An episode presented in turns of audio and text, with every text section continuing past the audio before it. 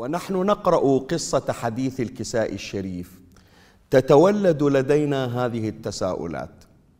هل يمكننا أن نجعل من علاقاتنا علاقات متحابه كعلاقة أهل الكساء عليهم السلام ببعضهم البعض؟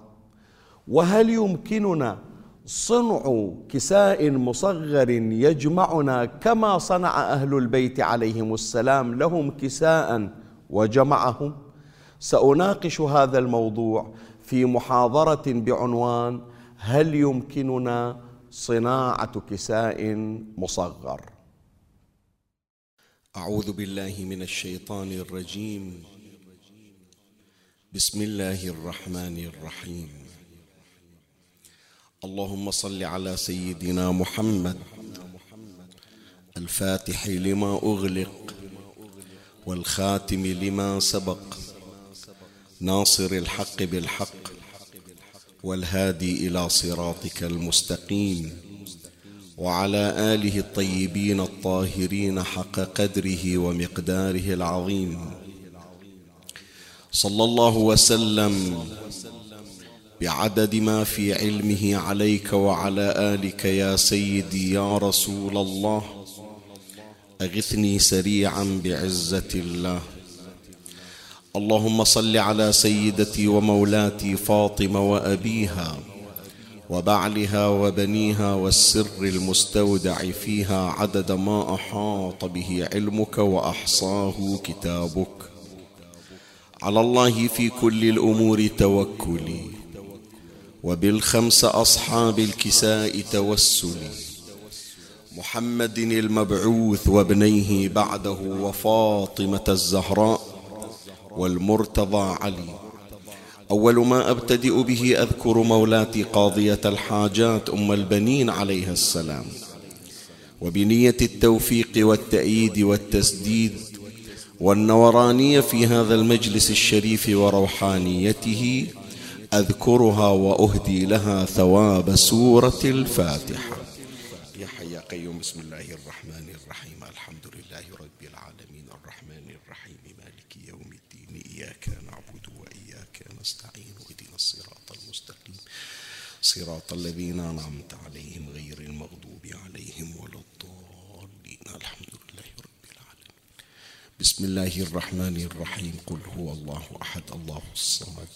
لم يلد ولم يولد ولم يكن له كفوا أحد. اللهم عجل لوليك الفرج والنصر والعافية. وانصره نصرا عزيزا وافتح له فتحا يسيرا وهب له من لدنك سلطانا نصيرا. رب اشرح لي صدري ويسر لي أمري واحلل عقدة من لساني يفقه قولي. يا كاشف الكرب عن وجه أخيه الحسين. أكشف كربي بجاه أخيك الحسين. نادي عليا مظهر العجائب. تجده عونا لك في النوائب. كل هم وغم سينجلي بولايتك يا علي. يا علي يا علي يا أبا الغوث أغثني. يا فارس الحجاز أدركني بلطفك الخفي ولا تهلكني. يا مولاتي يا فاطمة بنت محمد أغيثيني يا سيدتي. صلى الله عليك يا سيدي ويا مولاي يا رسول الله. صلى الله عليك وعلى آلك الطاهرين.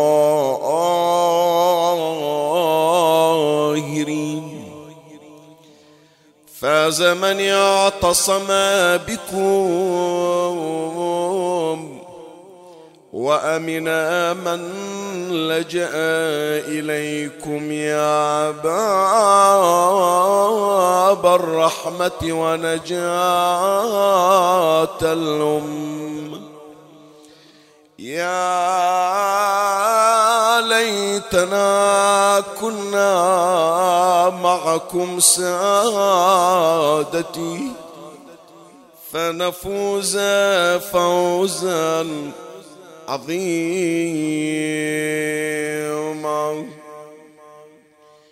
قالت سيدتنا فاطمة الزهراء عليها السلام في حديث الكساء الشريف. فقال علي عليه السلام لأبي يا رسول الله أخبرني ما لجلوسنا هذا تحت الكساء من الفضل عند الله. فقال النبي صلى الله عليه وآله والذي بعثني بالحق نبيا واصطفاني بالرسالة نجيا. ما ذكر خبرنا هذا في محفل من محافل أهل الأرض وفيه جمع من شيعتنا ومحبينا إلا ونزلت عليهم الرحمة وحفت بهم الملائكة واستغفرت لهم إلى أن يتفرقوا. فقال علي عليه السلام إذا والله فزنا وفاز شيعتنا ورب الكعبة.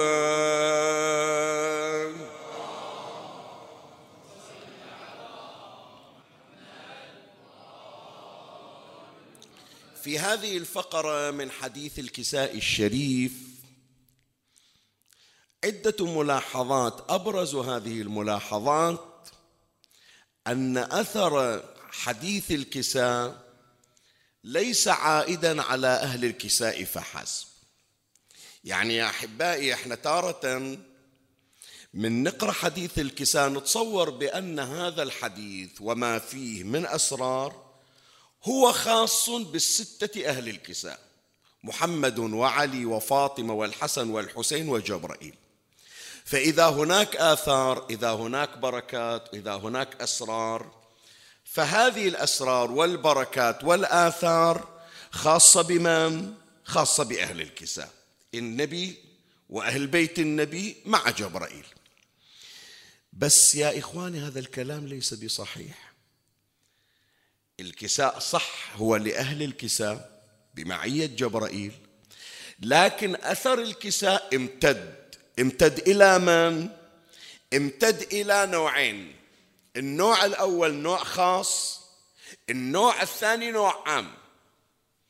أما النوع الخاص فإن أهل الكساء حينما اجتمعوا تحت الكساء ظهر أثرهم وظهر خيرهم.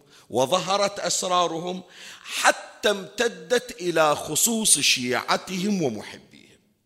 إحنا اثنين وعشرين أواخر واحد وعشرين طابين باثنين وعشرين. ما لحقنا على اجتماع النبي صلى الله عليه وآله مع ابنته ومع صهره ومع ولديه ومع جبرائيل أمين الله على وحيه. ما كنا حاضرين يوم الكساء. لكن أثر الكساء إلا من ذاك الوقت من 1443 سنة تصور أثر إلى الآن. إذا قرينا الحديث فإن حوائجنا تقضى وإن همومنا تكشف وإن غمومنا تنجلي وتزول. فإذا هناك أثر ممتد من أهل الكساء إلى نوع خاص وهو نحن شيعتهم محبوهم. إذا قرينا حديث الكساء فإن الأثر الذي حصل عليه أهل البيت يصل مداه ويصل شعاعه إلينا. نحن كخواص. زين بس إحنا الشيعة والمحبين؟ لا. يجي النوع الثاني وهو النوع العام. مو بس أثر الكساء أو أثر حديث الكساء فقط على أهل الكساء وعلى النوع الخاص وهو شيعتهم ومحبهم لا. حتى كل سكان الكرة الأرضية يستفيدون من اجتماع رسول الله مع فاطمة وعلي والحسن والحسين وجبرائيل كما استفادت شيعتهم وكما استفاد محبوهم. ولهذا شوف حديث النبي صلى الله عليه وآله. ما ذكر خبرنا هذا حط بالك للعبارة. في محفل من محافل شنو؟ أهل الأرض. زين أهل الأرض منو ذولا؟ بيهم الشيعة وبيهم غير الشيعة. بيهم المسلم وبيهم غير المسلم. بيهم المتدي بيهم الكتابي وغير الكتابي. كتابي يعني قد يكون يهودي قد يكون نصراني قد يكون نعم مجوسي. هذول أهل الكتاب بين يهود بين نصارى بين مسلمين بين مجوس على قول أنهم من أهل الكتاب. مو بس هم حتى أيضا غير الكتابي مثل الهندوسي مثل البوذي مثل غيره.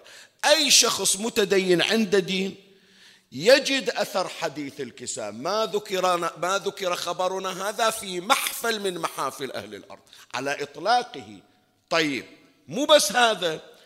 أكو آخرين من أهل الأرض يا إخواني. أصلا لا يعتقد بدين إلا نعبر عنهم بأنهم ملاحدة. أيضا يندرجون تحت هذا العنوان. هم أيضا هم من محافل أهل الأرض. قد يتجمعون جماعة شايف؟ من غير المتدينين. أصلا لا يعتقد بوجود الله ولا يعتقد بالأديان. لكن يجد حديث الكساء. حديث الكساء يجد أثره. إذا توفرت فيه الشروط. بعد أكثر من هذا أيضا. أكثر من هذا أيضا. تارة حتى هذا الشخص الذي لا يعتقد بوجود الله ولا يعتقد بمحمد وأهل بيته ولا يعتقد بالدين ملحد لكن ما عنده شر تجاه الآخرين. شوف كم من الأشخاص الموجودين الآن ملاحدة لكن يحترم الإنسانية بما هي إنسانية. يتعاطف وياك أنت كشيعي يتعاطف وياك أنت كمسلم يتعاطف وياك أنت كمسيحي أو كيهودي. مو لأنه أنت شيعي أو مسلم. يحترمك كإنسان ما يرضى عليك. يسمع, يسمع أنه يوم من الأيام أنت متأذي. يقول ليش تأذون هذا بالأخير بشر. فعدنا من الملاحدة من يحملون الإنسانية في قلوبهم. لكن أحيانا يجيك شخص كافر لا يعتقد بالله ولا بالدين لكن مجرم شرير. مع ذلك شوف إطلاق عبارة محافل أهل الأرض تجمع حتى الكافر الخير والكافر الشرير. يعني أثر أهل البيت يا إخواني حتى على أهل الشر ينصب. شلون شيخنا؟ شلون ذولا كفره لا يؤمنون بوجود الله وفوق هذا شايلين الشر وخير أهل البيت يوصل لهم إيه نعم. الحسين عليه السلام من صب الماء إلى الحر وجماعة الحر. خوفيهم الناصبي وفيهم اللي كان قلبه سليم مثل الحر وفيهم اللي كان قلبه يحمل الشر مثل علي بن الطعان المحاربي. تمام لولا من تجي إلى قصة الإمام الهادي عليه السلام. هذه ذاكرنا أنا في كثير من المجالس. في زمن الإمام الهادي صلوات الله عليه جعفر المتوكل إلا كان مؤذي بمعنى الكلمة. إلا أصلا هو لا يعتقد لا بالله ولا بالنبي ولا بأهل البيت ولا عنده حب إلى الإنسانية. الذي كان يزج بالإمام الهادي في بركة يقال لها بركة السباع. مع ذلك يوم من الأيام مرض جعفر المتوكل مرض وعرضوه على الأطباء كل الأطباء ما حصلوا علاج. إلى كانت عنده قرحة في جسمه وأذت هذه القرحة خلته طريح الفراش ما يقدر يتحرك. جابوا للأطباء الحكماء عرضوا عليه العقاقير الأدوية ما حصل علاج. أم جعفر المتوكل نذرت إذا طاب ابنها تودي مبلغ من المال إلى الإمام الهادي عليه السلام. ورسلت إلى الإمام الهادي قالت ابني وانت أنا أدري هو قلبه قاسي وما عنده اعتقاد بيكم أهل البيت بس أنا عندي اعتقاد بيكم وأنه أنتم أبواب الشفاء الإلهي.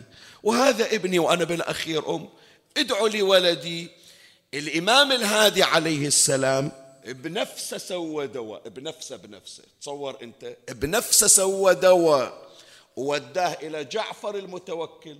وحطوه على محل القرحة وطاب ببركة الإمام الهادي. المن طيب الإمام الهادي؟ إلى ذاك اللي جابه وخلاه بخان الصعاليك ولا ولا حطه في بركة السباع. وما إلى ذلك. فأهل البيت عليهم السلام خيرهم يعم الجميع يعم الشيعة وغير الشيعة. يعم المسلمين وغير المسلمين يعم الكتابيين وغير الكتابيين يعم المتدينين ويعم غير المتدينين يعم أهل الخير ويعم أهل الشر لأنهم باب رحمة الله عز وجل ورحمة الله تبارك وتعالى وسعت كل شيء. شوف الشمس اللي تسطع على موسى الكليم تسطع على فرعون. الهوى اللي يتنفس إبراهيم الخليل يتنفس النمرود. وهم أهل البيت عليهم السلام مثال الرحمة الإلهية. فشوف من أسرار حديث الكساء يا إخواني. هذه الكلمة أوقف عندها وتأمل بمعناها. ما ذكر خبرنا هذا في محفل من محافل أهل الأرض. نعم واحدة من أسرار من أسرار شيعة أهل البيت. أنه لابد يكونون حاضرين في محل الذكر. يعني ذول الجماعة من يقعدون يقرون لابد يدورون لهم واحد عنده ارتباط بأهل البيت. ليش طبعا؟ إن شاء الله هذا راح يمر علينا في أثناء البحث. ليش واحد من شيعة أهل البيت؟ ليش واحد من محبي أهل البيت؟ حط بالك. شيعتنا شنو؟ منا. خلقوا من فاضل طينتنا وعجنوا بماء ولايتنا. فبقايا أهل البيت موجودة إحنا موجودة بيننا إحنا. فمن يحضر هذا المنتسب لأهل البيت؟ فإذا أثر أهل البيت حضر فبالتالي يعم هذا الأثر على من حوله من محافل أهل الأرض فيتلقون الشفاء ويتلقون البركة من أسرار محمد وآل محمد صلوات الله عليهم أجمعين.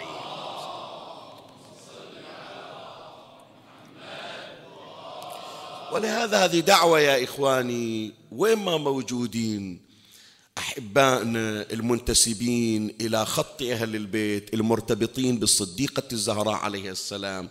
يوم من الأيام مثلا أفرض عندنا من الشيعة الموجودين في المهجر في بلاد المهجر.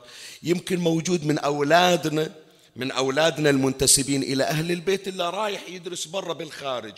يمكن عنده جار يمكن عنده صديق يمكن عنده زميل في الدراسة لو في العمل يسمع أن هذا زميله في الجامعة اليوم مستمرض اليوم عنده أمر متعسر. خله يجرب يروح ويقرأ حديث الكساء. خله يجرب يروح إلى هذا المريض ويقرأ حديث الكساء. فإذا لقي ذلك الشخص اللي هو مو شيعي أصلا مو مسلم أثر وبركة حديث الكساء يصير هذا حديث الكساء طريق لهداية هذا الشخص. هي الأسرار طبعا مو أنا جاي مبتكرها. هم أهل البيت عليهم السلام جايين يعلمونا هذا الأمر. فإذا هذا العرض وهذا التمهيد وهذه المقدمة اتضحت في أذهاننا بأن السر الموجود في حديث الكساء وفي اجتماع أهل الكساء مو خاص بأهل البيت فقط اللي اجتمعوا لا. وإنما ذاك الأثر إلهم لكن عمموه إلى الخواص وإلى العوام. يتولد عندنا هذا السؤال. مثل ما أهل البيت كان عندهم كساء يسمونه الكساء اليماني أو الكساء الخيبري أو الكساء الفدكي مثل ما قرينا في الروايات في البحوث المتقدمة. أقدر أنا كشخص الآن منتسب لأهل البيت أسوي لي كساء مثل ما عند النبي كساء اسمه الكساء اليماني؟ أقدر أسوي لي كساء؟ وهذا الكساء يصير له أثر؟ نعم.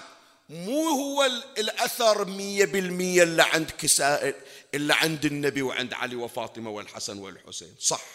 لكن أنا لو سويت لي كساء خليته عندي بالبيت.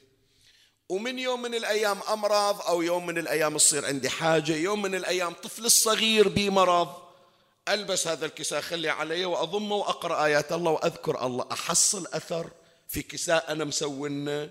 لو لا إلا حديث الكساء إلا ذاك الكساء الخاص. هذا إن شاء الله راح نبحث في هذا اليوم.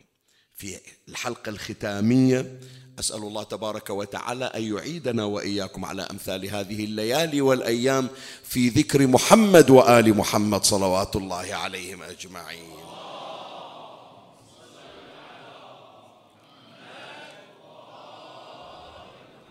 فعنوان حلقة هذه الليلة هل يمكننا صناعة كساء مصغر؟ ليش عبرنا عنه مصغر؟ يعني طبعا مثل كساء النبي ما نقدر ذاك بأسرار خاصة ذاك قدسيته قدسية خاصة. لكن بمقدارنا إحنا نقدر نسوي كساء مالتنا إحنا شغلنا إحنا وبي اثر لولا. هذا ما سأبحثه في هذه الليلة. وسأجعل البحث في فصلين أمر عليهما بالتتابع إن شاء الله. ومن الله أستمد العون والتوفيق. ومن مولاي أبي الفضل العباس المدد. وألتمس منكم الدعاء وثلاثا بأعلى الأصوات. صلوا على محمد وآل محمد.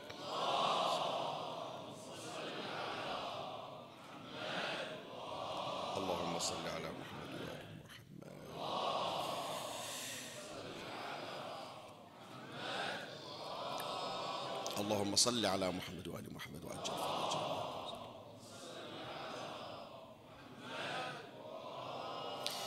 أما الفصل الأول فيحمل عنوان إمكانية صناعة الكساء المصغر.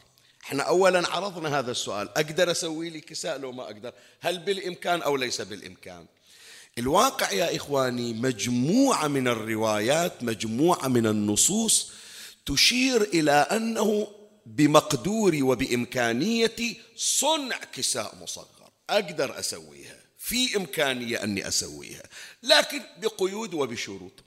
خلي أمر وياك مثلا على بعض من هذه الشواهد والأدلة التي تؤكد على هذه النظرية. نظرية صناعة كساء مصغر. صح قلت لك.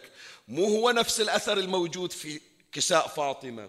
لكن بي أثر هذا الكساء اللي لو سويته أقدر أحصل بي أثر أول شاهد ودليل يؤكد على هذه النظرية المفترضة أن جبرائيل عليه السلام طلب من الله تبارك وتعالى أن يأذن له في الدخول مع أهل الكساء في كسائهم. من نقرأ في حديث الكساء فقال جبرائيل عليه السلام يا رب أتأذن لي أن أهبط إلى الأرض لأكون معهم سادسا. فقال الله عز وجل نعم قد أذنت لك. سؤال جبرائيل شنو يعني يا جماعة؟ أتأذن لي أن أهبط إلى الأرض لأكون معهم سادسا شنو يعني؟ شو يسأل عنه جبرائيل؟ كأنما جبرائيل يسأل الله. يقول له يا ربي هذه الكساء وجمعتهم هل هي خاصة بخمسة؟ لو العدد قابل للزيادة. لأكون معهم سادسة. يعني شنو يا جماعة لأكون معهم سادسة؟ يعني هذه الآن الجلسة وما فيها من أسرار. سر قضاء الحاجة سر تفريج الهام سر كشف الغام سر الخير اللي راح يمر علينا في أثناء الروايات إن شاء الله من نقراها. هل هو خاص بخمسة؟ لو لا ممكن أن دائرة العدد تتسع. هذا اللي عبر عنه لأكون معهم سادسا يعني نقدر نزيد العدد لو ما نقدر. الله إيش قال له؟ رد عليه قال له نعم. قال نعم قد أذنت لك. أذنت لك يعني شنو؟ يعني السر الموجود في الكساء مو مقصور على الخمسة قابل أنه يزداد لكن بشرط. شنو الشرط؟ الشرط أن يأذن لك أهل الكساء.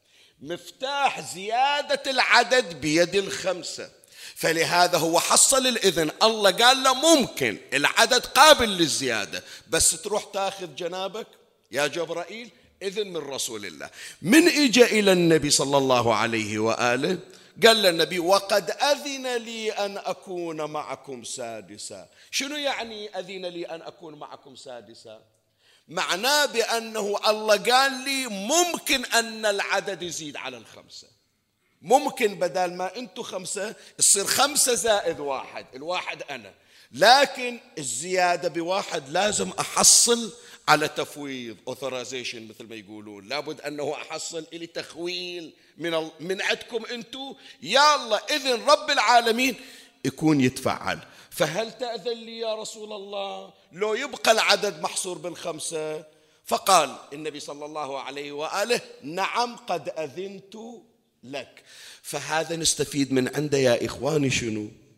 أن هذه الأسرار الموجودة عند أهل الكساء الخمسة قابلة لأن تتعمم قابلة لأن تزداد قابلة لأن يكون الأثر ممتدا إلى ما وراء الخمسة. هذا شاهد من الشواهد. الشاهد الثاني يا إخواني شاهد أم سلمة عليها السلام. خلي أقرأ لك الرواية إحنا مرت علينا في البحوث المتقدمة في أول هذه السلسلة المباركة. حضرت أم سلمة وطلبت الانضمام إلى الخمسة لكن ما حصلت حظ مثل حظ جبرائيل. جبرائيل عطوه تفويض عطوه تخويل بأن يدخل وياهم في الكساء فصار خمسة زائد واحد. لكن ما صار خمسة زائد اثنين. لو بنقول خمسة زائد اثنين سبعة يعني أم سلمة يكون تدخل وياهم. ما صار صار بس خمسة زائد واحد. لكن طلب الانضمام طلب الدخول ما صار مجان ما صار خالي. شلون؟ خلي أقرأ لك الرواية. في الرواية مثل ما يذكرها العلامة المجلسي في بحار الأنوار قالت أم سلمة رضي الله عنها. فأدخلت رأسي. شلون؟ النبي قاعد ويا ويا علي ويا فاطمة ويا الحسن والحسين ومخلي الكساء عليهم ضامنهم هي أم سلمة إجت رفعت طرف الكساء وأدخلت رأسها. كما قالت فأدخلت رأسي وقلت أنا معكم يا رسول الله. يعني صارت خمسة زائد واحد. أقدر أجي أدخل وياكم فيصير خمسة زائد اثنين. شوف النبي صلى الله عليه وآله رد عليه قال لها لا فقط جبرائيل اللي يدخل ويانا. لكن إنك على خير إنك على خير. شنو يعني إنك على تأكيد؟ مجرد طلب الانضمام في الكساء حصلت خير ما كان هذا الخير موجود. فإنت جنابك يوم تطلب أيضا الانضمام مع رسول الله وأهل بيته في الكساء. حتى لو ما وفقت للدخول إلى الكساء الفعلي لكن طلب الانضمام في أهل الكساء ترزق خيرا ما كنت قد حصلت عليه من قبل. فاذا طلب جبرائيل وطلب أم سلمة في الدخول في الكساء دليل على أن هذا الدخول ممكن لكن متوقف هذه الإمكانية متوقفة على تفويض وتخويل رسول الله صلى الله عليه وآله. بعد خلنا نشوف غير. هذا جبرائيل ذكرنا أم سلمة ذكرناها. خلنا نشوف إحنا يا إخواني الآن. سر إشراكنا إحنا وياهم. الآن أنت تقول لي إذا أم سلمة زوجة النبي وخازنة الأسرار رسول الله صلى الله عليه وآله ما أعطاها إذن. زوجته ما أعطاها إذن. يعطيني أنا صاحب المعاصي صاحب. فشيخنا إحنا نكون من أهل الكساء هذا مو ممكن. نسوي لنا كساء ثاني مو ممكن. لا أنا راح أذكر لك عبارة وتأمل فيها جيدا. شوف مولاي الكريم. قال رسول الله صلى الله عليه وآله. أنت حتما حافظنها. قال رسول الله صلى الله عليه وآله. والذي بعثني بالحق نبيا واصطفاني بالرسالة نجيا ما ذكر خبرنا هذا.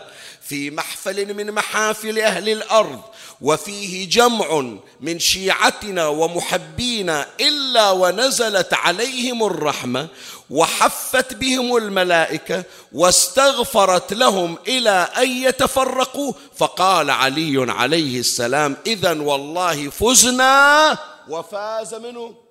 وفاز شيعتنا ورب الكعبة. صلوا على محمد وآل محمد.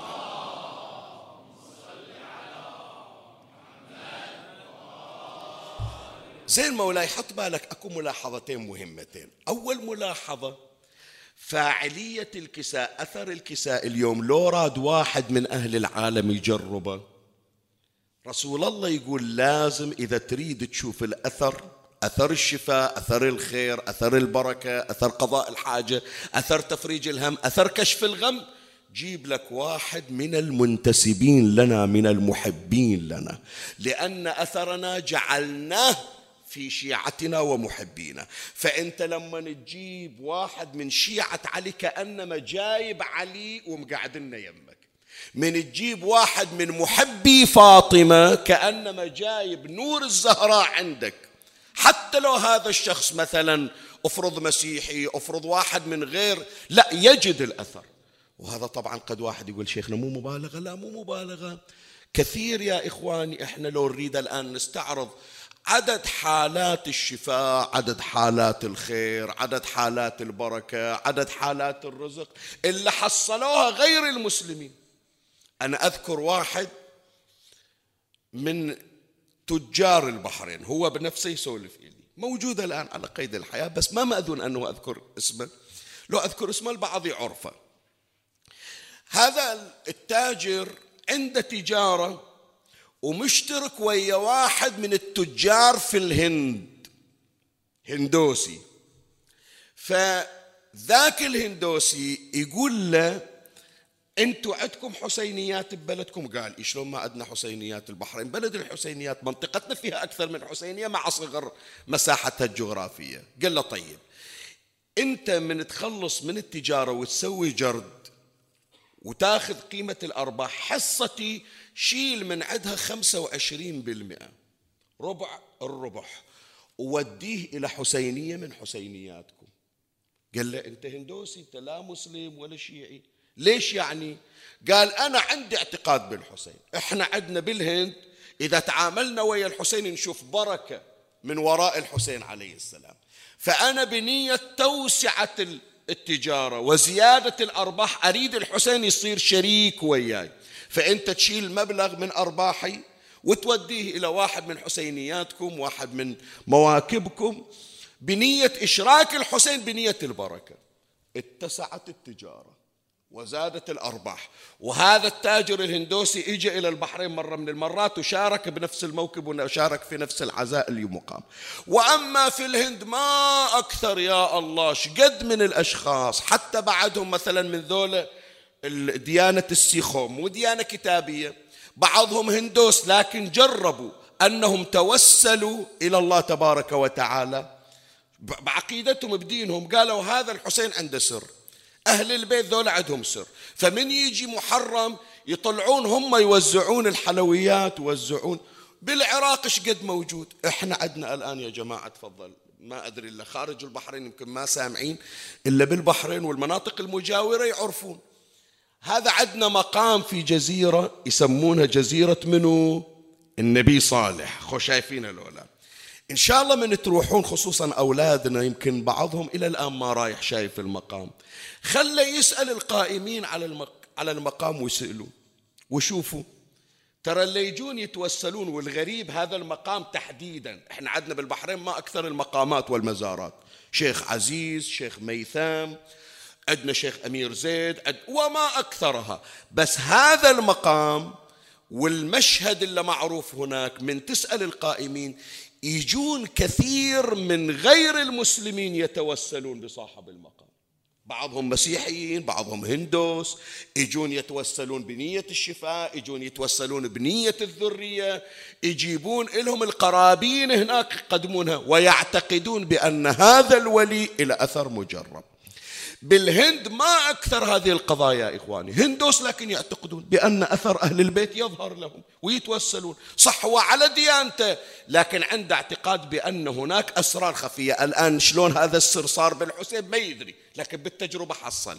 فأهل البيت أشاروا لهذا الأمر إلى أنه رائحة أهل البيت أنوار أهل البيت الموجودة في شيعتهم ومحبيهم يظهر أثرها على محافل أهل الأرض. فإذا واحدة من الأمور اللي تلاحظ في هذه في هذه العبارة في هذا النص إشراك أهل البيت عليهم السلام. ما ذكر خبرنا هذا في محفل من محافل أهل الأرض لكن القيد والشرط شنو؟ وفيه جمع من شيعتنا ومحبينا. يعني من يحضرون شيعتنا محبينا أنوارنا موجودة بيهم آثارنا موجودة فيهم فكأنما حضرنا وياهم فأهل الأرض حتى ولو اختلفوا في الدين وفي العقيدة يجدون أثرنا الذي ظهر في شيعتنا ومحبينا.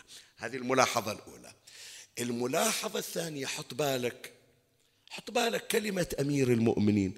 قال إذا والله فزنا وسعدنا وكذلك شنو؟ أحسنت شيعتنا ومحبونا في كتاب عوالم العلوم ما في ومحبون وكذلك شيعتنا فازوا وسعدوا ورب الكعبة. أنا قمت أصفن يا جماعة أقرأ الرواية أكثر من مرة وأتأمل فيها. لما أمير المؤمنين عليه السلام يقول إذا والله فزنا وسعدنا. حط بالك شوف إيش أقول لك. أعرني سمعك فرغ لي قلبك أقبل علي بكلك صل على محمد وآل محمد.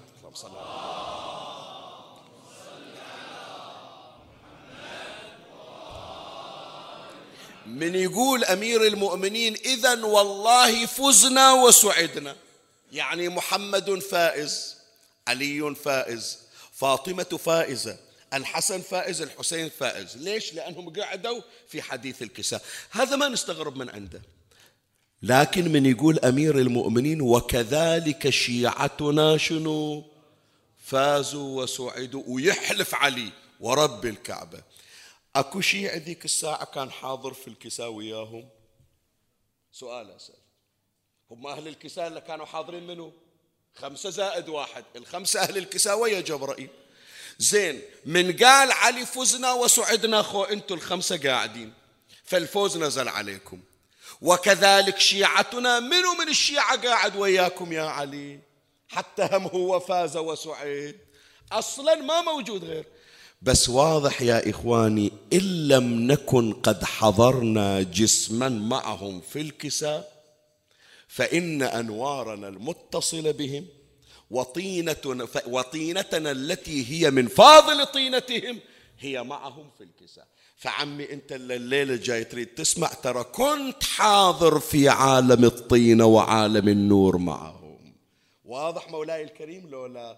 فأنت الآن من تسوي لك كساء ما يعتبر كساءك كساء منفصل عنهم لأنك امتداد لهم. و وصولا أهل البيت وصلوا إلينا في هذا الزمن وصاروا معنا في كل كساء لأن أنوارنا من أنوار محمد وآل محمد صلوات الله عليهم. صلوا عليهم.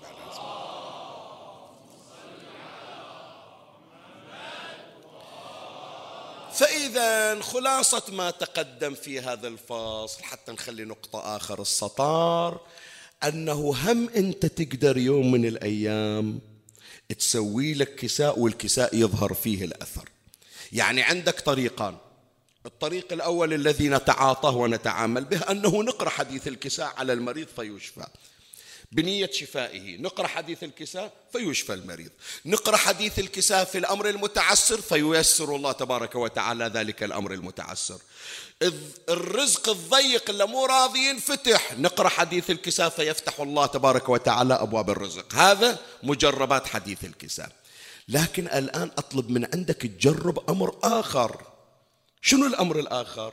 أنت تخلي لك كساء يوم من الأيام ذاك البعيد ابنك ابنك المريض شلون تعالجه؟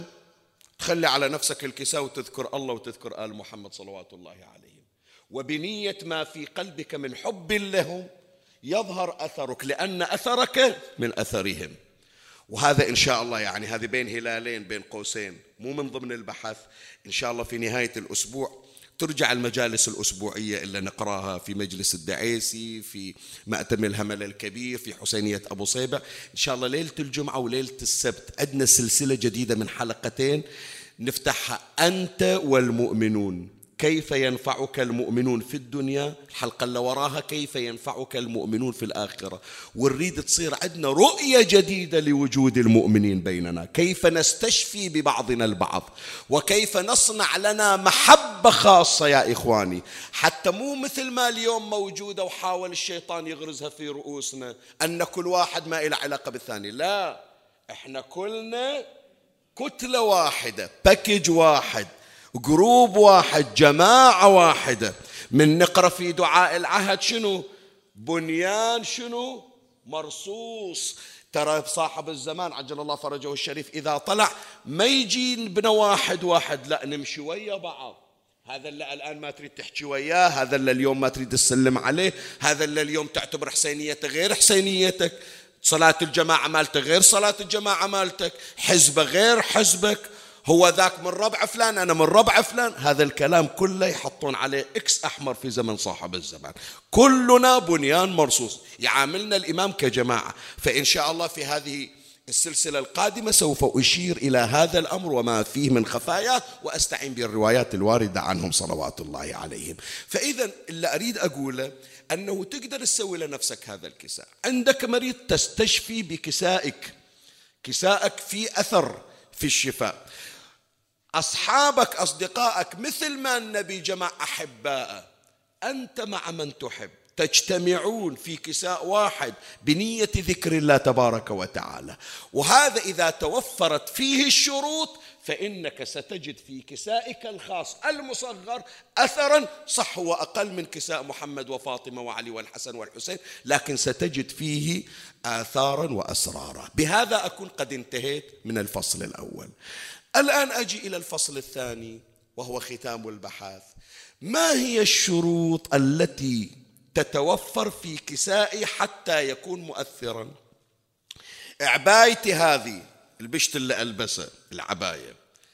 شنو لابد يتوفر فيها من شروط حتى من أخليها على نفسي أو أجيب عيالي وأخليهم وألمهم يحصلون أثر وبركة هذه العباية وهذا البشت؟ أمر عليها إن شاء الله في الفصل الثاني. أول شرط لابد أن يتوفر في الكساء المصغر حتى يكون ذا فاعلية وذا أثر أن يكون هناك مخزون من محبة محمد وآل محمد صلوات الله عليهم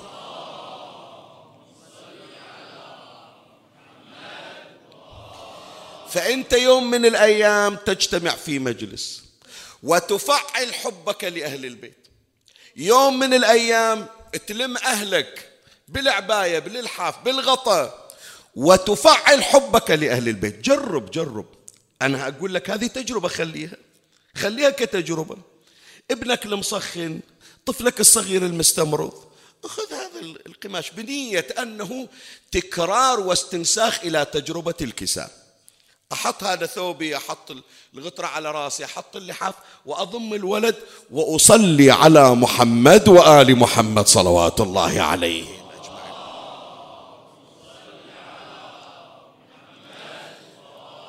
ابنية شنو؟ ابنية الأثر النوراني.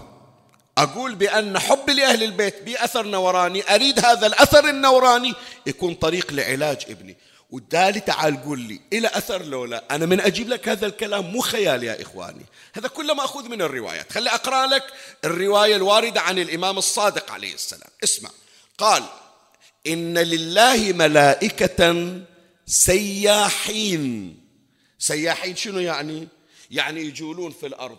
أكو ملائكة شغلتهم ينزلون من السماء ويفترون بالأرض. مرة يجون البحرين مرة يروحون العراق مرة يروحون الإيران مرة يروحون وين ما موجود. ليش يدورون في الأرض؟ ليش سياحين؟ الإمام يقول إن لله ملائكة سياحين.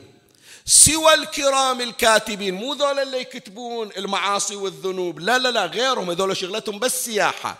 إن لله ملائكة سياحين سوى الكرام الكاتبين.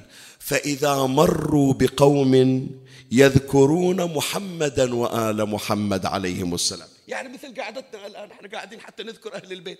فإذا مروا بقوم يذكرون محمدا وآل محمد عليهم السلام قالوا أو فقالوا قفوا فقد أصبتم حاجتكم.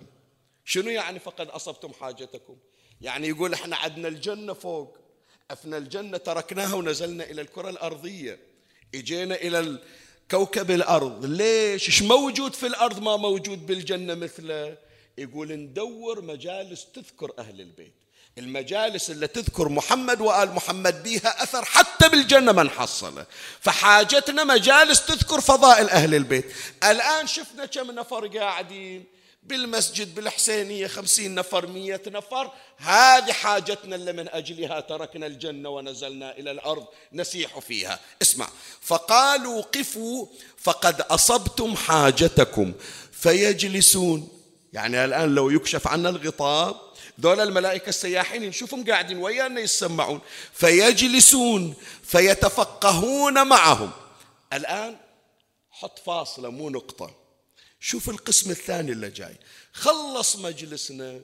هذول الملائكة اللي حضروا واستمعوا ويانا وين يروحون تالي؟ يقولون ذولا سووا علينا فضل.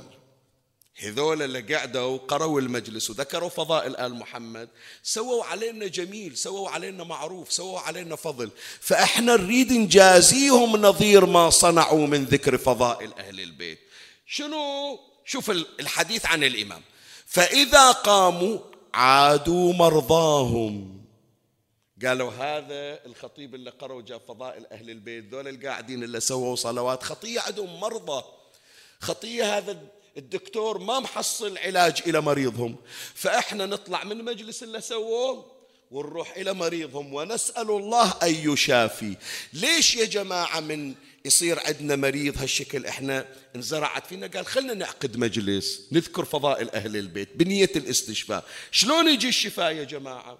يجي الشفاء بأنه بركات ذكر فضائل آل محمد صلوات الله عليهم. الملائكة اللي يحضرون هم يروحون لمريضك. يسألون الله في شفائه يسألون الله في أن يعالج يسألون الله في أن يرتفع ما به من مرض. فالرواية عن الإمام الصادق عليه السلام. فإذا قاموا عادوا مرضاهم وشهدوا جنائزهم وتعاهدوا غائبهم. عندهم واحد غايب ما رجع عندهم واحد بالسجن ما طلع. قاموا يسألون الله أن يفرج عنه أن يعيده بالسلامة. فبركة ذكر فضائل أهل البيت. عاد الغائب بالسلامة. نعم وتعاهدوا غائبهم فذلك المجلس لا يشقى به جليس حط بالك. كل مجلس تذكر فيه فضائل آل بيت محمد تحصل على سعادة من محمد وآل محمد صلوات الله عليه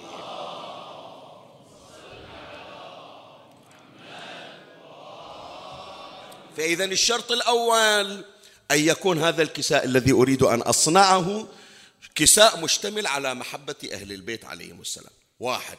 اثنين. الكساء اللي أريد أسويه. لابد يا جماعة يكون يجمع أهل الكساء. أي كساء تريد تسوي؟ طبعا الكساء رمزي. قد يكون كساء قد يكون مجلس قد يكون صاعدين بسيارة رايحين لزيارة. قد يكون راكبين بطائرة قد يكون مجتمعين بفصل دراسي. أيا كان. حتى تحصل الأثر لابد أن يكون الاجتماع على محبة القلوب ونبذ الفرقة. لا تقول والله راح أجي وأذكر أهل البيت وأنا قلبي مشحون على صاحبي. ما تحصل الأثر. تسمع إيش أقول لك لولا؟ واضحة الكلمة لولا؟ يعني أنا جاي مثلا خلني أقول بعاشورة. إن شاء الله ما موجود. هذا المثل افتراضي بس إن شاء الله ما موجود. راح أحضر في مجلس الحسين وراح أبكي على الحسين وراح ألطم صدر على الحسين. لكن أنا لا أحب الخطيب ولا أحب أبو الحسينية ولا أحب هذا القاعد صوبي ولا أحب هذا الشخص اللي جاي في المجلس. جاي أستمع لوحدي وأمشي. ما تحصل الأثر. الشرط الثاني لابد أن يكون قلبك عامرا بمحبة من حولك. وإذا بقلبك شيء من الشحنة من البغضاء من الحالقة من الكراهية أول توخره. وإلا الأثر ما تحصله. تدري منو اللي يذكر هذا الكلام إلنا؟ إمامنا قائم آل بيت محمد عجل الله فرجه الشريف.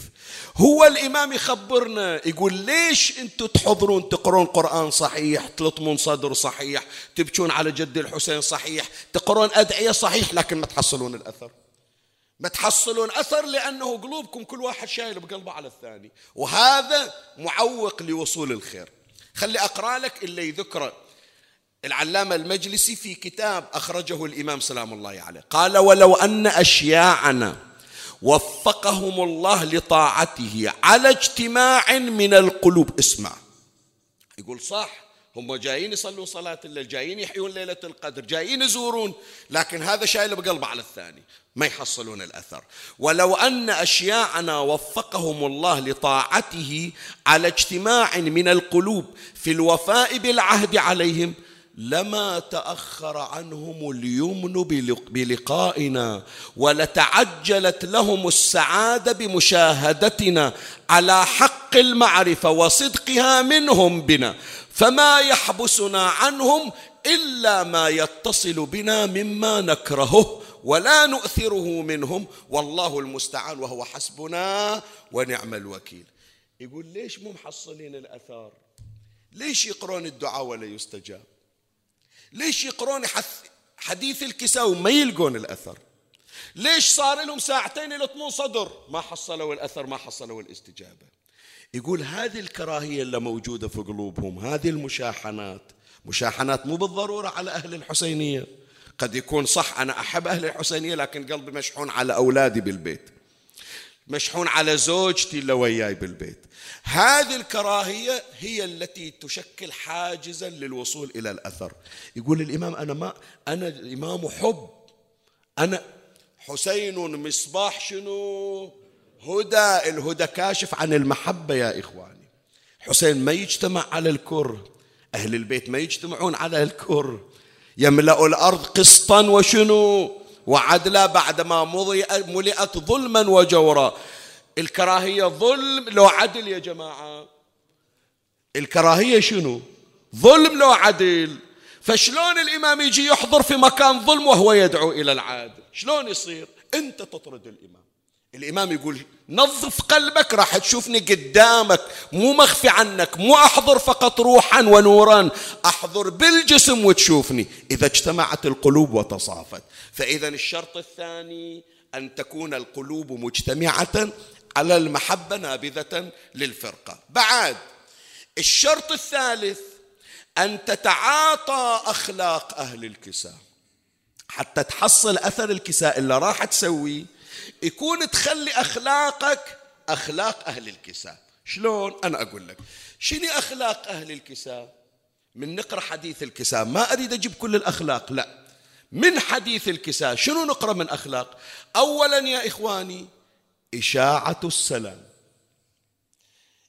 النبي يجي يدخل على فاطمة يسلم على فاطمة. الحسن يجي يدخل على أمه يسلم على فاطمة. الحسين يجي على الزهرة يسلم على الزهرة. علي يدخل على الزهرة يسلم على الزهرة. طيب لاحظ شوف شلون إشاعة سلام مو مجرد سلام. تو رسول الله داخل ومسلم السلام عليك يا فاطمة قالت وعليك السلام. صحيح لو لا؟ بعد يحتاج تردي تعيد السلام؟ النبي ما طلع من عندها. بس لما رادت الزهراء تدخل مرة ثانية وياهم في الكساء ما طبت الكساء إلا بعد أن سلمت. قال السل... قالت السلام عليك يا رسول الله. قال وعليك السلام يا بنتي ويا بضعتي. زين توها مسلمة. تو رسول الله مسلم. ما صار لهم كل من الساعة من سلم. ليش إعادة السلام؟ هذا من الأخلاق يا جماعة. من الأخلاق التي تكسب أثر حديث الكساء. بعد الأدب في الخطاب. جنابك مو مثل ما يشاع بيننا بين الأحباب تسقط شنو؟ منو قال تسقط الآداب؟ من وين جايبين هالكلام هذا؟ ما تقول لي بصدق يعني يا جماعة من وين جايبينها؟ هذه عبارة بين الأحباب تسقط الآداب. في أي سورة من سور القرآن موجودة؟ في أي جزء من أجزاء بحار الأنوار أو وسائل الشيعة وأصول الكافي؟ من وين قارينها؟ وين محصلينها؟ بالعكس أنا بسألكم يا جماعة ردوا علي. الآداب معروف لو مو معروف؟ الآداب أخلاقه معروف لو مو معروف؟ تمام لو لا؟ والحديث عندنا الأقربون أولى بشنو بالمعروف. هذا اللي أنت تتعامل وياه بإتيكيت وبمجاملات وتقول خاف يعتب علينا راح أرسل له الهدية. أولى الناس بالهدايا وبالأخلاق وبالآداب منو؟ أقرب الناس إليك. زوجتك أولى الناس. زوجك أولى الناس أولادك الصغار. إيه هذا اللي طفل عمره ثلاث سنين أربع سنين؟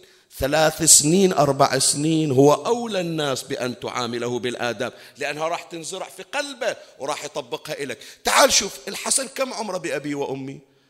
أقصاها ست سنين سبع سنين. وجاي يسلم على النبي السلام عليك يا جدة. شوف الإمام شوف النبي صلى الله عليه وآله. شلون شلون الحسن يسلم على جدة؟ وشلون الحسين يسلم على جده؟ الحسين من يسلم السلام عليك يا جدة انتهت خلاص. خلاص كافي ما يحتاج بعد. سلمت غير السلام هو؟ سلام عليكم انتهت. لا السلام عليك يا جدة. السلام عليك يا من شنو؟ اختاره الله. ليش بعد اختاره؟ أدب في الخطاب. النبي من يرد على الحسن وعليك السلام يا ولدي ويا صاحب حوضي. زي بعد الطفل. بس يقول ما يخالف أحضره من يوم هو صغير حتى يشيل هذا الاحترام إلي من يكبر وأعلم الناس على الحسن في الخطاب. وهكذا يا إخواني أخلاق الكساء. إذا فعلناها إذا حملنا أخلاق أصحاب الكساء صار كل مكان نجلس فيه. صار كسائي من ألم عيالي فيه. إلى أثر يظهر من أثر أصحاب الكساء صلوات الله عليهم. فإذا ثلاثة أمور قلنا. أول أمر الاجتماع تحت الكساء المصغر على محبة أهل البيت.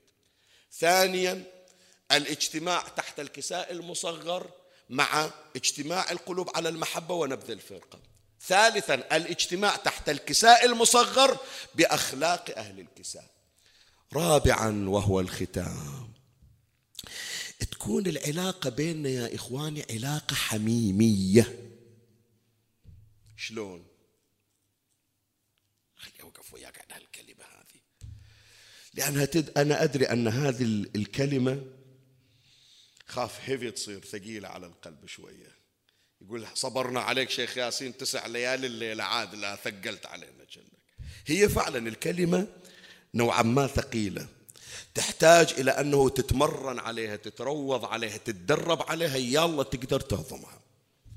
بشرفك أنت تقول لي عمي ولا تزعل من عندي خلي قلبك متسامح والكلمة أخذها وفكر فيها مو قدامي لا من تطلع فكر فيها.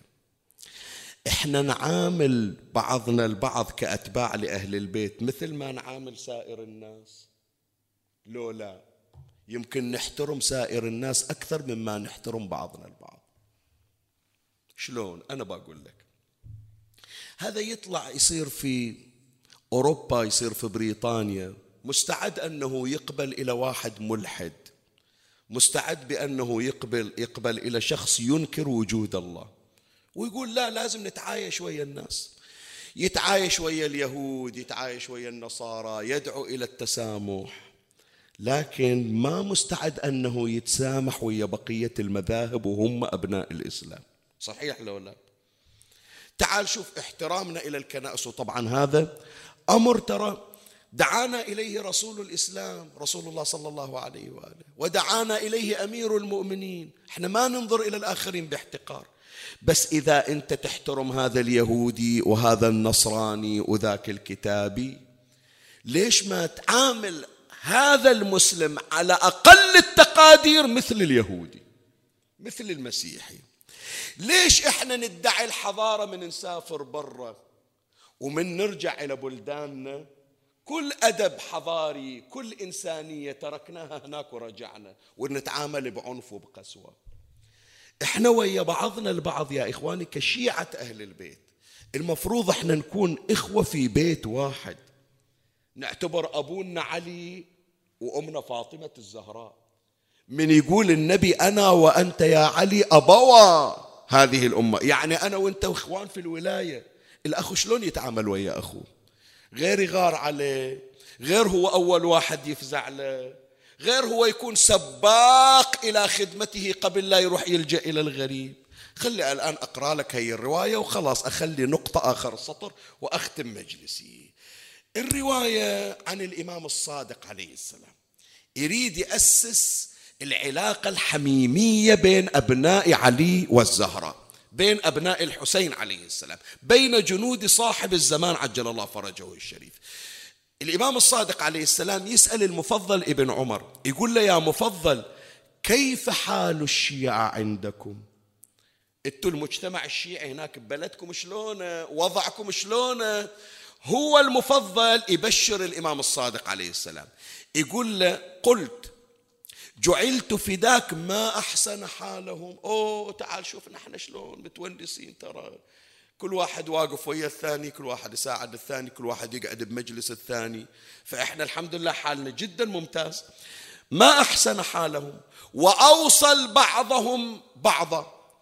يعني إحنا نتزاور ترى من تصير الأعياد من تصير المناسبات نتزاور. وأوصل بعضهم بعضا وأبر بعضهم ببعض. الآن الإمام عرف بأن العلاقة قوية بينهم لكن يريد يشوفها هل وصلت من القوة إلى درجة الحميمية. حميمية يعني شنو؟ يعني أقرب العلاقات. أكثر العلاقات التصاقا. مو العلاقة بين الشيعي والشيعة قد تتكرر ويا غيره لا لابد علاقتنا ويا بعض تكون مميزة. حتى يتمنى الناس يقولون يا ريت صرنا شيعة حتى تصير علاقتنا بالآخرين.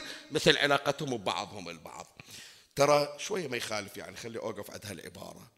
أنت تدري ترى إلى الآن مع ما عندنا من أخطاء مع ما عندنا من حزازات موجودة.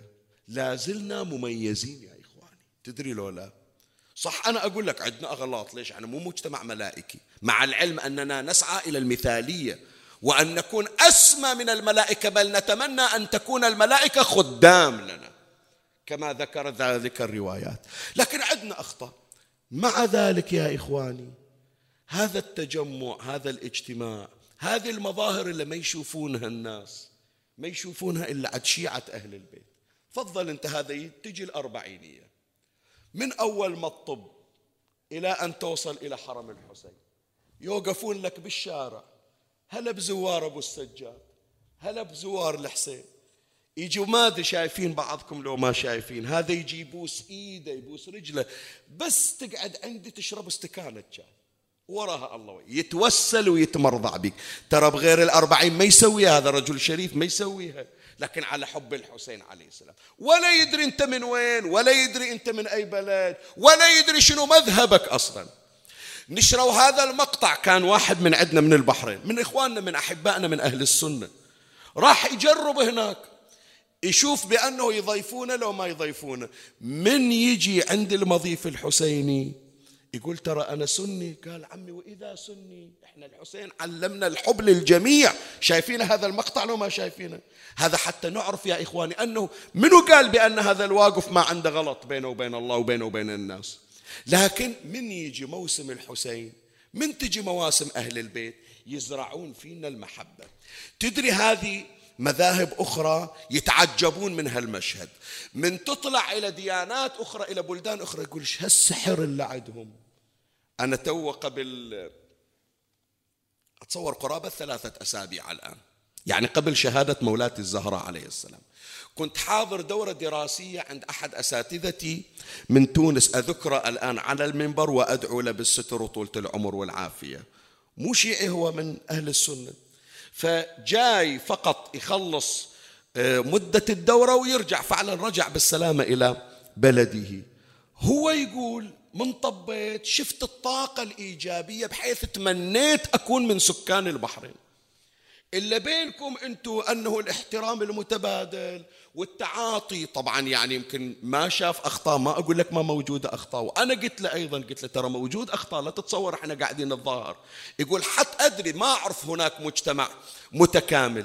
لكن اللي شفته عندكم دليل بأن منسوب المحبة والإيجابية مع الآخرين متميز. فأنا قلت له شوف أستاذي هذا اللي تشوفه ترى مو من مبتكراتنا وإنما زرعه فينا محمد وآل محمد صلوات الله عليهم أجمعين.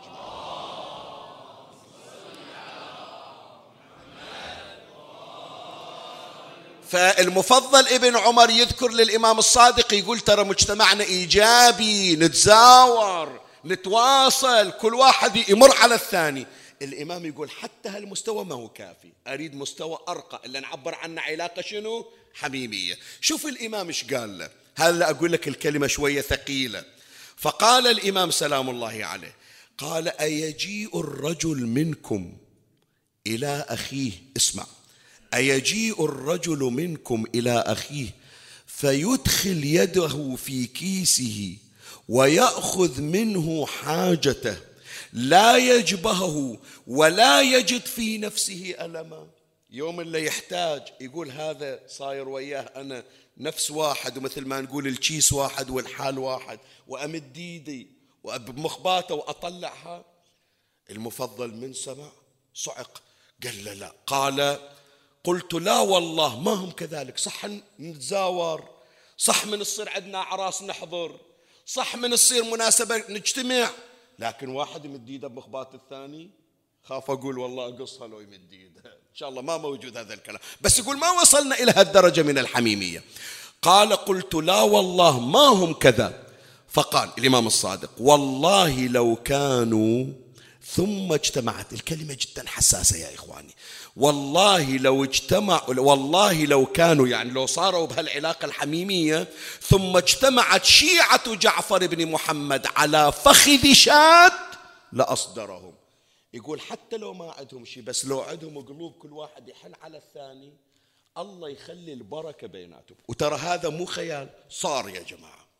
أنا ذاكر هذا الكلام في مجالس سابقة خلاص مجلسي أنا اكتفى انتهيت الآن. في زمن من الأزمنة خصوصا في فترة الأربعينيات أيام الحرب العالمية الثانية سألوا آبائكم سألوا أجدادكم سألوا المختصين اللي عاشوا ذيك الفترة ونقلوا ما فيها. تدرون يا إخواني الناس كانت فقر بكل مكان بالبحرين بالخليج بغير مكان فقر كان فقر عام مذقع. من يطيح واحد مريض الديرة وجماعته والجيران يقولون هذا فلان عرفه مزارع. كل يوم يشتغل بالمزرعة ولا يطلع من المزرعة يبيعه ولا يبيعه يجيب قيمته إلى أهله. فإذا يوم ما اشتغل يعني ما أكل شيء. هذا يطلع البحر يصيد. إذا ما راح البحر ما ما أكل شيء له هو ولا عائلته. مو مثل الآن راتب ينزل بالحساب. تدري شو يسوون؟ يطلعون يجون يزورونه. شلون يعرفون عنه مريض؟ هو ما ما موجود واتساب مثل الآن وداز message ترى أنا فلان مريض مثلا. لا. يعرفون أن فلان بي شيء إذا ما شافوه بالمسجد إذا ما شافوه إجي الحسينية. العادات الأسبوعية ما حضر. إيش في فلان؟ ليلتين ما شفناه. يقولون مريض. كلهم اللي في المسجد يطلعون يزورونه. يعرفون بأنه صار له يومين ما راح يشتغل فإذا ما عنده شيء بالبيت. تدري شو يسوون؟ هذا أحكي لك. اللي عندنا بالبحرين وهم غير البحرين أيضا. لو خليت خربت يقعدون على كتر هو على فراشه يقعدون على كتر. يخلون واحد يقعد صوب الثاني من غير ما يلتفت. ذاك اللي على يمينه مثلا يشغله بالحكي. إلا على اليسار يطلع المبلغ المبلغ جامعينه هم كلهم يحطونه تحت المخدة تحت الوسادة. ويسولفون وياه ولا كأنه شيء صاير. من يستأذنون ويطلعون؟ تجي أم العيال ترتب الفراش من وين هالمبلغ؟ يقول ما أدري. يعرف بأن جماعته واقفين وياه بالشدة. الآن منو اللي خلى المبلغ؟ منو اللي دفع؟ ما يدري. إحنا الآن يا إخواني عندنا بالبحرين. نسمع أنه اليوم مثلا فلان مريض ويحتاج إلى علاج بالخارج والعلاج يوصل تقريبا مئة ألف دينار مئة وعشرين ألف دينار. كم فزعة صارت عندنا يا جماعة؟ سؤال أسأل. أنت يمكن تدري أكثر من عندي. في غضون يومين ثلاثة أسبوع ترتب المبلغ اللي دفعوا المبلغ. عمي مو ناس أثرياء يمكن هو عليه ديون لكن أبدي غيري على نفسي. هذه الحالة الموجودة يا إخواني هي التي يريدها أهل البيت. تالي حتى لو ما عندك شيء من فرج عن أخيه المؤمن كربة فرج الله عنه سبعين كربة من من كرب الدنيا والآخرة. بهذا أكون يا أحبتي قد أنهيت بحثي. عشر ليالي قضيناها وياكم على سفرة مولاتي فاطمة. صدقوني يا إخواني هذه الليالي ولا كأنما من التقويم ولا كأنما من الروزنامة ولا كأنما محسوبة من العمر. ما تدرون الله يشهد من أطلع يعني أنا من أخلص المجلس وأطلع أفكر ليلة الثانية متى الله يجمعني ويا هذه الأنوار. بارحة بارحة أمس واحد من أحبائنا كان واقف عند السيارة يقول يا شيخنا يا ريت العشر ليالي ما خلصت. يا ريتها تستمر. نقعد على ذكر أهل البيت على ذكر الزهراء عليها السلام. حتى لو عدنا بقلوبنا هموم ذيك الهموم تروح. تدري كم واحد شوفي ببركة هالمجالس؟ لو ما تدري. تدري قبل ليل كم ليلة كان واحد من الأحباء الآن ما أدري عيني ما أثبت أنا من أطالع يمكن من أنزل أشوفه. يقول لي شيخنا كانت لزمني عند السيارة برا قال لي شيخنا أكو شغلة صارت ببالي بتعسر. ما انقضت الحاجة كنت أنتظر بأنها تقضى ما قضيت. فصار قلبي مهموم وين أروح؟ قلت أم الفرج أم الخير فاطمة الزهراء. خلي أروح إلى المجلس هناك أقعد أسمع شيخ ياسين ويا الجماعة. بنية التفريج حتى لو على الأقل ما فرجت القضية ما انكشف الغم اسمي التهيت. ذكرت اسم الزهراء عليها السلام ارتاح قلبي. قال لي والله شيخنا بنفس المجلس جاني اتصال من قم طلع جماعة شافوا يدرون عنه. جاني اتصال في أثناء المجلس وطلعت برا. فتحت الموبايل الحاجة اللي كنت انتظرها من سنوات قضيت في مجلس فاطمة الزهراء عليها السلام. طلعت آثار يا إخواني مو بالبحرين حتى بخارج البحرين اللي كانوا يوصلونا قالوا شيخنا الحمد لله مريضنا شوفي وهذا لا هو سالفة شيخ ياسين ولا يمكن ذول القاعدين. لكن اجتمعنا على نور فاطمة فظهر أثر نور فاطمة. إن شاء الله خدمة منظورة. وعايدين عليها إن شاء الله. وإن شاء الله تحضر لنا مولات الزهراء في الشدائد. تبشرون هم بأن حوائجكم قد قضيت. يا سلمان إن حب فاطمة ينفع في مئة من المواطن. تبشرونا يا إخواني. أريد أختم هذه السلسلة أريد أختم هذه الليالي بأن أقرأ معكم حديث الكساء. راح نقرأ حديث الكساء؟ اللي سوينا من أجله هذه السلسلة المباركة. وعد كل فقرة يا إخواني أريد صلواتكم تسمعها مولاتي الزهراء عليها السلام. صلوا على محمد وآل محمد. وين صلوات العالية؟ إيه؟ لا بعد بعد. خلي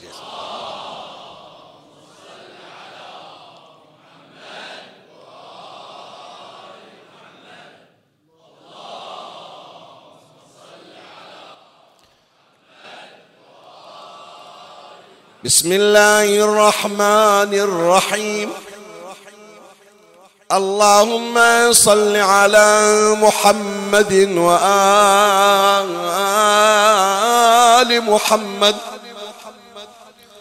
لي خمسة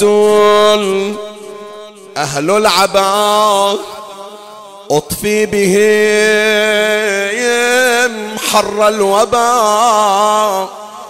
المصطفى والمرتضى وفاطم والنجبا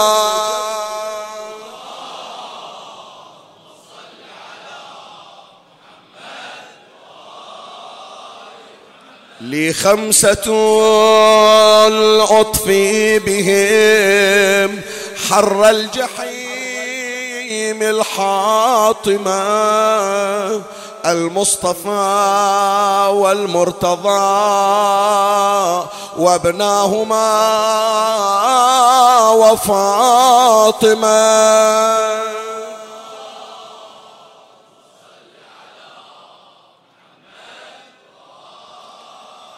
عن جابر بن عبد الله الأنصاري رحمه الله عن فاطمة الزهراء عليها السلام بنت رسول الله صلى الله عليه وآله. قال سمعت فاطمة أنها قالت دخل علي أبي رسول الله صلى الله عليه وآله في بعض الأيام. فقال السلام عليك يا فاطمة.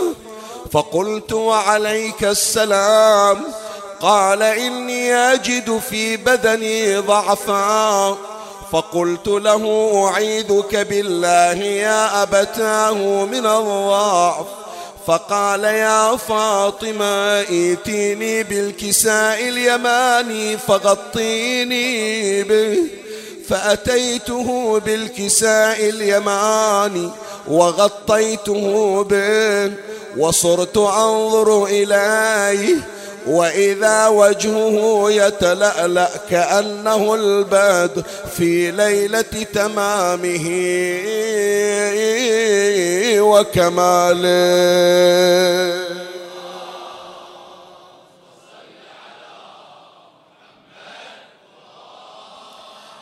فما كانت إلا ساعة وإذا بولدي الحسن عليه السلام قد أقبل وقال السلام عليك يا أمة فقلت وعليك السلام يا قرة عيني وثمرة فؤادي. فقال لي يا أماه إني أشم عندك رائحة طيبة. كأنها رائحة جدي رسول الله صلى الله عليه وآله. فقالت نعم إلا جدك تحت الكساء فأقبل الحسن نحو الكساء وقال السلام عليك يا جداه يا رسول الله. أتأذن لي أن أدخل معك تحت الكساء؟ فقال صلى الله عليه وآله وعليك السلام يا ولدي ويا صاحب حوضي. قد أذنت لك فدخل معه تحت الكساء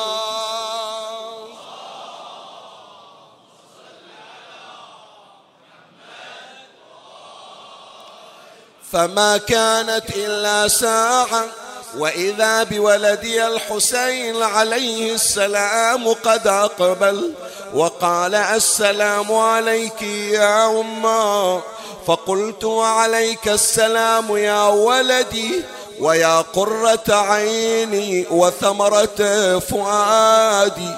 فقال لي يا أمة إني أشم عندك رائحة طيبة. كأنها رايحة جدي رسول الله صلى الله عليه وآله. فقلت نعم يا بني إن جدك وأخاك تحت الكساء فدنا الحسين نحو الكساء وقال السلام عليك يا جدا السلام عليك يا من اختاره الله أتأذن لي أن أكون معكما تحت الكساء؟ فقال صلى الله عليه وآله وعليك السلام يا ولدي ويا شافع أمتي. قد أذلت لك فدخل معهما تحت الكساء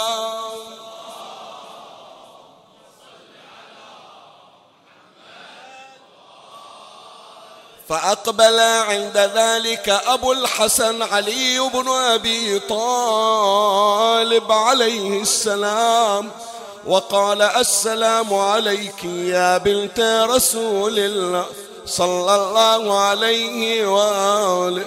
فقلت وعليك السلام يا أبا الحسن ويا أمير المؤمنين. فقال يا فاطمة إني أشم عندك رايحة طيبة كأنها رايحة أخي وابن عمي رسول الله صلى الله عليه وآله.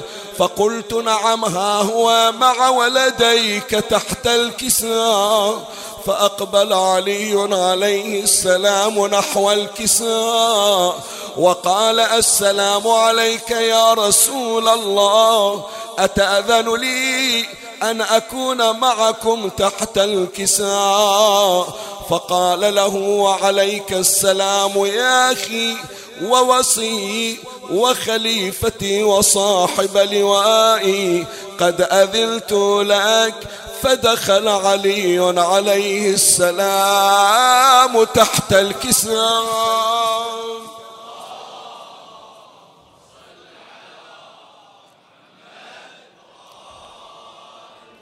ثم أتيت نحو الكساء وقلت السلام عليك يا أبتاه يا رسول الله.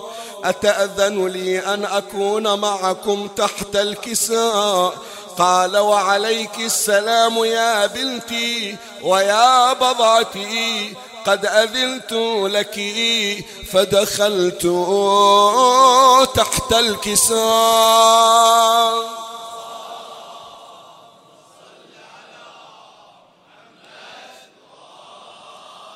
فلما اكتملنا جميعا تحت الكساء أخذ أبي بطرفي الكساء وأومأ بيده اليمنى إلى السماء وقال اللهم إن هؤلاء أهل بيتي وخاصتي وحامتي لحمهم لحمي ودمهم دمي يؤلمني ما يؤلمهم ويحزنني ما يحزنهم أنا حرب لمن حاربهم وسلم لمن سالمهم وعدو لمن عاداهم ومحب لمن أحبهم إنهم مني وأنا منهم فاجعل صلواتك وبركاتك ورحمتك وغفرانك ورضوانك علي وعليهم وأذهب عنهم الرجس وطهرهم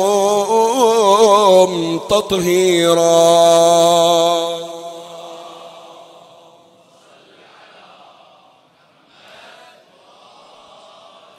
فقال الله عز وجل يا ملائكتي ويا سكان سماواتي إني ما خلقت سماء مبنيا. ولا أرضا مدحيا ولا قمرا منيرا ولا شمسا مضيئا ولا فلكا يدور ولا بحرا يجري ولا فلكا يسري إلا في محبة هؤلاء الخمسة الذين هم تحت الكساء.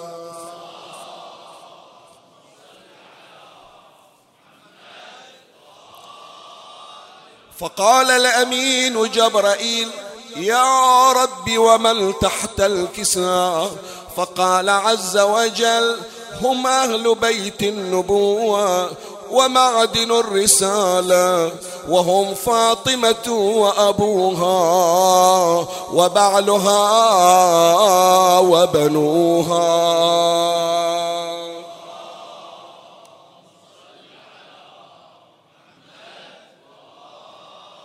فقال جبرائيل يا رب أتأذن لي أن أهبط إلى الأرض لأكون معهم سادسا؟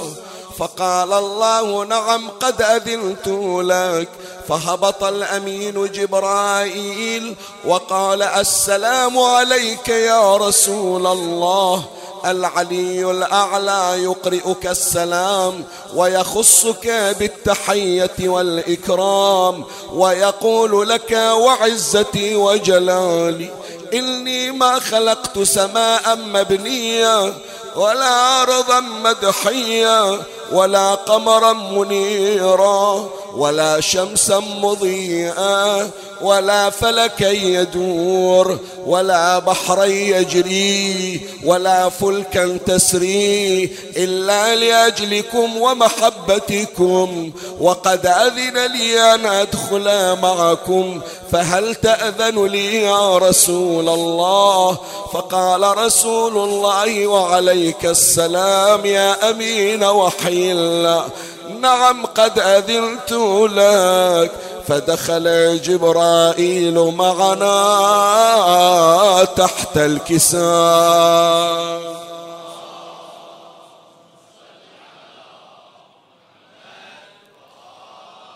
فقال علي لأبي يا رسول الله أخبرني ما لجلوسنا هذا تحت الكساء من الفضل عند الله.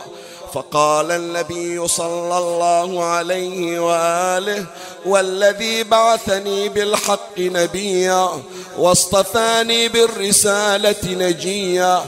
ما ذكر خبرنا هذا؟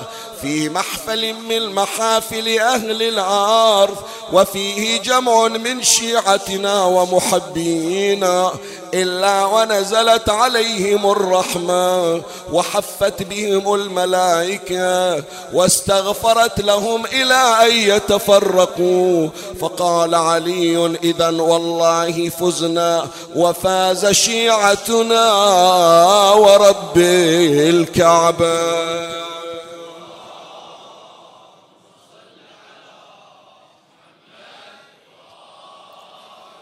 فقال أبي رسول الله صلى الله عليه وآله يا علي والذي بعثني بالحق نبيا واصطفاني بالرسالة نجيا ما ذكر خبرنا هذا في محفل من محافل أهل الأرض وفيه جمع من شيعتنا ومحبينا. وفيهم مهموم إلا وفرج الله هما ولا مغموم إلا وكشف الله غما ولا طالب حاجة إلا وقضى الله حاجته فقال علي إذا والله فزنا وسعدنا وكذلك شيعتنا فازوا وسعدوا في الدنيا والآخرة. ورب الكعبة صلوات.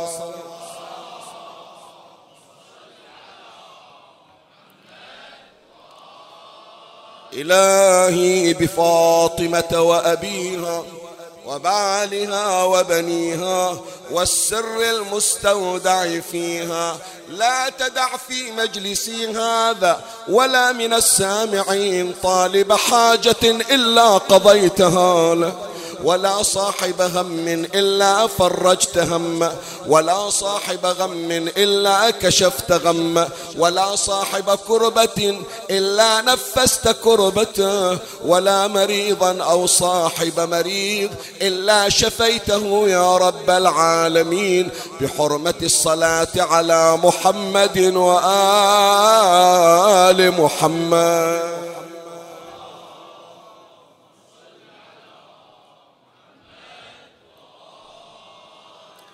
استشفوا بهذا الحديث يا أحبائي.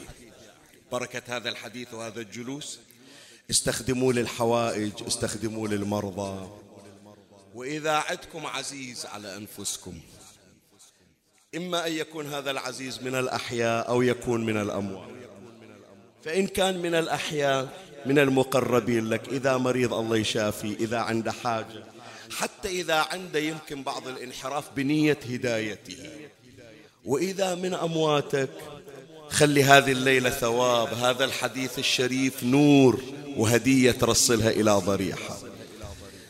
تدري ثواب هالمجالس كلها بما فيها الحديث. شخصيا داعيكم الحقير أكو واحد من أحب المخلوقات إلى قلبي. أوديها هدية إلي. إلى إمامي صاحب الزمان. إلى مولاي صاحب الأمر. أقول له سيدي عبدك الحقير إن قبلتني من عبيدك. ما عندي بضاعة بضاعتي مزجات لكن أتقرب إليك يا مولاي بحب جدتك فاطمة. وأقول لك سيدي طال المدى متى ترانا ونراك متى يا مولاي يجي ذاك اليوم اللي نقرأ حديث الكساء وإنت حاضر ويانا؟ بس نعاد ندبة بس يوم الجمعة نقرأ دعاء ندبة جرحت قلوبنا يا سيد. شو نقول لك يا مولاي حتى تعجل إلنا بالظهور؟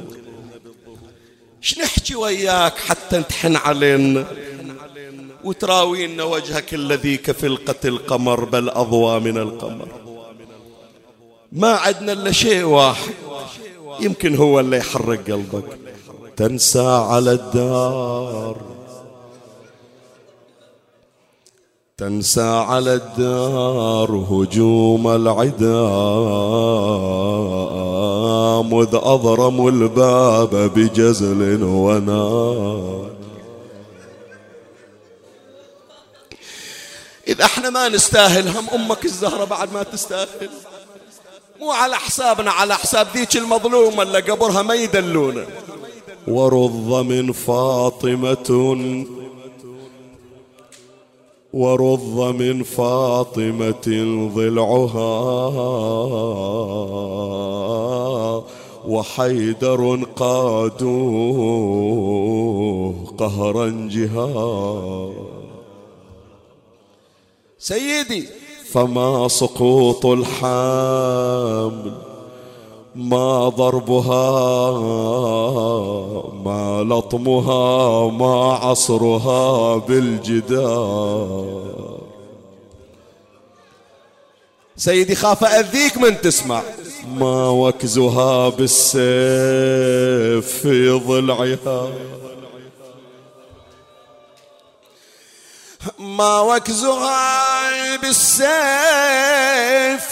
في ضلعها وما التثار قرطها والسوار اللطمة على وجهها. ومن زود اللطمة الإذن انقصت. وطاح القرط على الأرض والدم يجري على خدها ضلعين ضلعين يا جرحي لا تهودوا علي. ضلعين ضلعين لارض طيبة يا قاصد خير. ضلعين ضلعين هذا مجلس الختام. خلي المجلس كله يصيح ضلعين انكسرت يا إمام العصر خاف ما سمع ما سمع. أريد صوت أعلى ما عندك. انكسرت انكسرت يا إمام العصر. إيه؟ ضلعين ضلعين. خلف الباب للزهرة الزكي. خلف الباب للزهرة.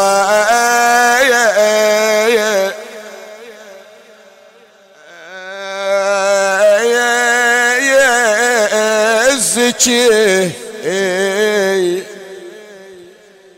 قوم ما حد غيرك بهاين وتار اسأل على الباب من هو اللي جسار.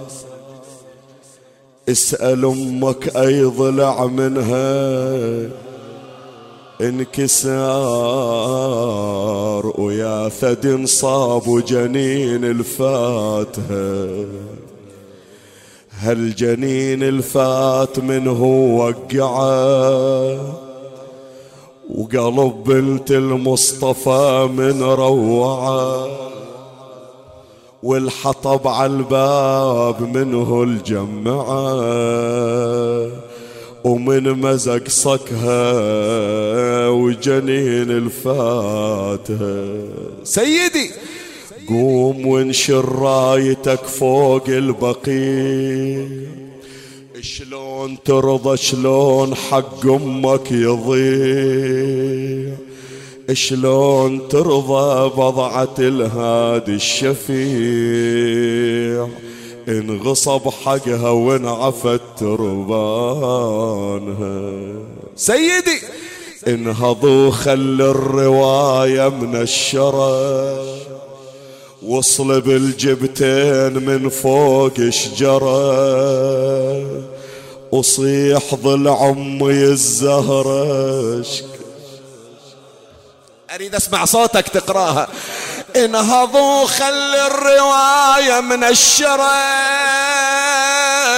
وصل بالجبتين من فوق الشجرة وصيح ظل عمي الزهره اش كسره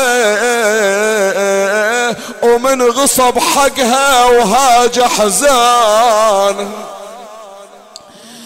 من غصب حقها ومن هابها ومن دنا لحدودها وما هابها. اسمعني. منه جاب الحطب واحرق بابها وغدت للسال القلب نيران كل ليلة نروح المدينة ونطلع من المدينة وين نروح؟ كربلاء العشق الأزلي. أحكي وياك يا سيدي خلاص المجلس مكتفي. أحرقوا بابا في المدينة. وأحرقوا أبوابا في كربلاء. إذا كان قلبك يستعر من باب واحد في المدينة سيدي قلبك شلون حال على ذيك البيبان المحروقة؟ اسمعني شوية ما يخالف احبس الدمعة. أول اسمعني تالي ابكي. باب واحد للزهراء في المدينة أطفأه علي بن أبي طالب. لكن أحرقوا أبوابا في كربلاء لزينب ما طفاها لي. حرقناه حرقنا حرقنا يم الخدر خدرك.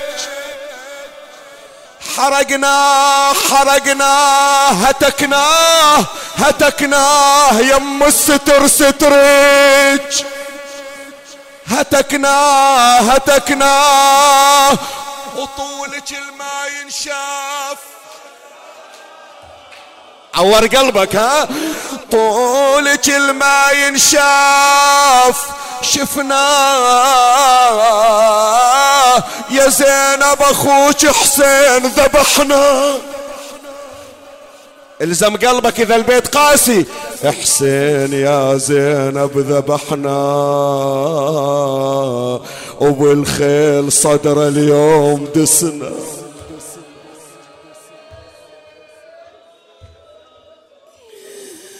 توجهت إلى جهة النجف صاحت ما جيت ما جيت ما جيت. حيدر يا أبويا ليش ما جيت؟ الليلة كل ليلة أخليك تبكي على راحتك.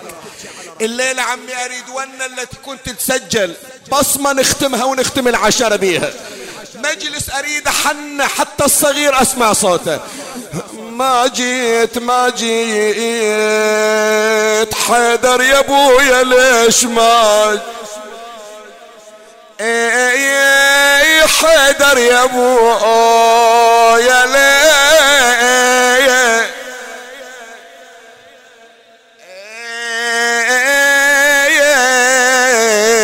ما جيت لا عمي لا لا لا لا. أريد ون اللي تبرد قلب فاطمة.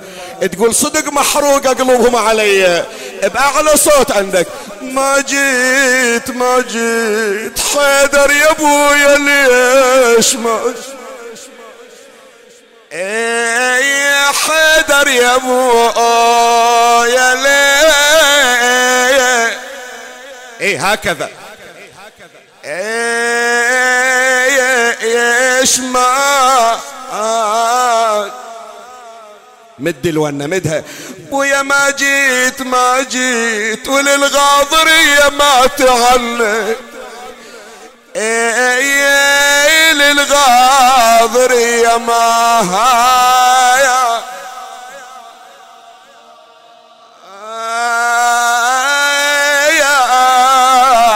تعني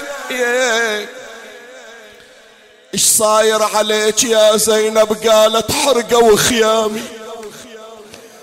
بويا حرقة وخيامي حرقة وخيامي. وغصب ذليت بالبر أنا هالليلة تمت اي بالبر أنا هالليلة.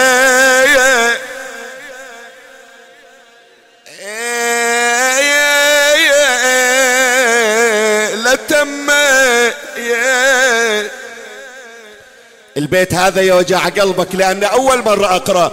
بالبر أنا هالليلة تمت بلا بيت يا حيدر. إي ابويا بلا بيت يا حيدر.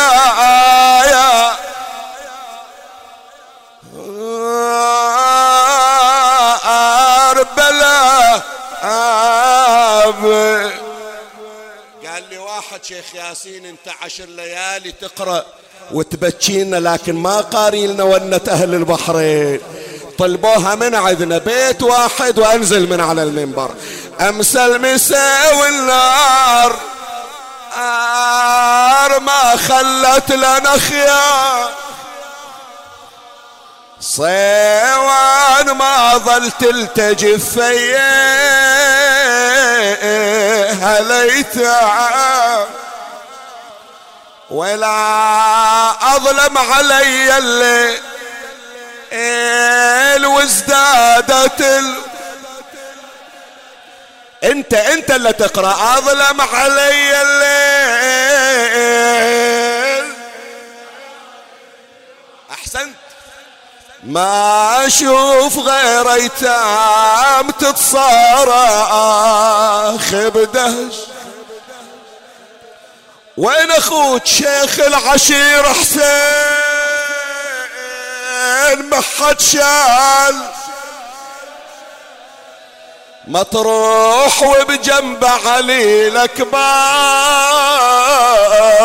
وجسام بقيت محير واصفق بليدك بليدين بويا لا عباس ظل عندي. ولا حسين ولا حسين ضربوني وسطروني على ال...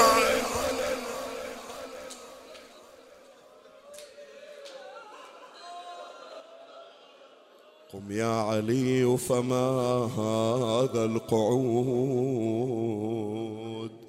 وما عهدي تغض على الأقذاء أجفانا يا الله.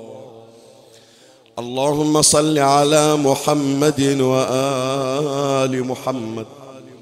بك يا الله بفاطمة بعلي بالحسن بالحسين. بك يا الله بمحمد بعلي بفاطمة بالحسن بالحسين بعلي بمحمد بجعفر بموسى بعلي بمحمد بعلي بالحسن بالحجة ابن الحسن بجاه أم البنين بجاه أبي الفضل العباس كاشف الكرب عن وجه أخيه الحسين اقض حوائجنا يا الله. اللهم اشف المرضى اللهم اغني الفقراء اللهم ارزق المحرومين اللهم فرج عن المهمومين اللهم غير سوء حالنا بحسن حالك يا قاضي الحاجة يا مجيب الدعوات يا سامع الشكايات اسمع لنا واستجب يا الله. عجل اللهم فرج إمامنا صاحب العصر والزمان. شرفنا برؤيته ارزقنا شرف خدمته. ارض اللهم قلبه عنا فإن في رضا قلبه رضاك. ترحم على أمواتي وأموات الباذلين والسامعين والمؤمنين أينما كانوا. في مشارق الأرض ومغاربها أوصل لهم جميعا ثواب هذا المجلس الشريف. وبلغهم ثواب الفاتحة تسبقها صلوات.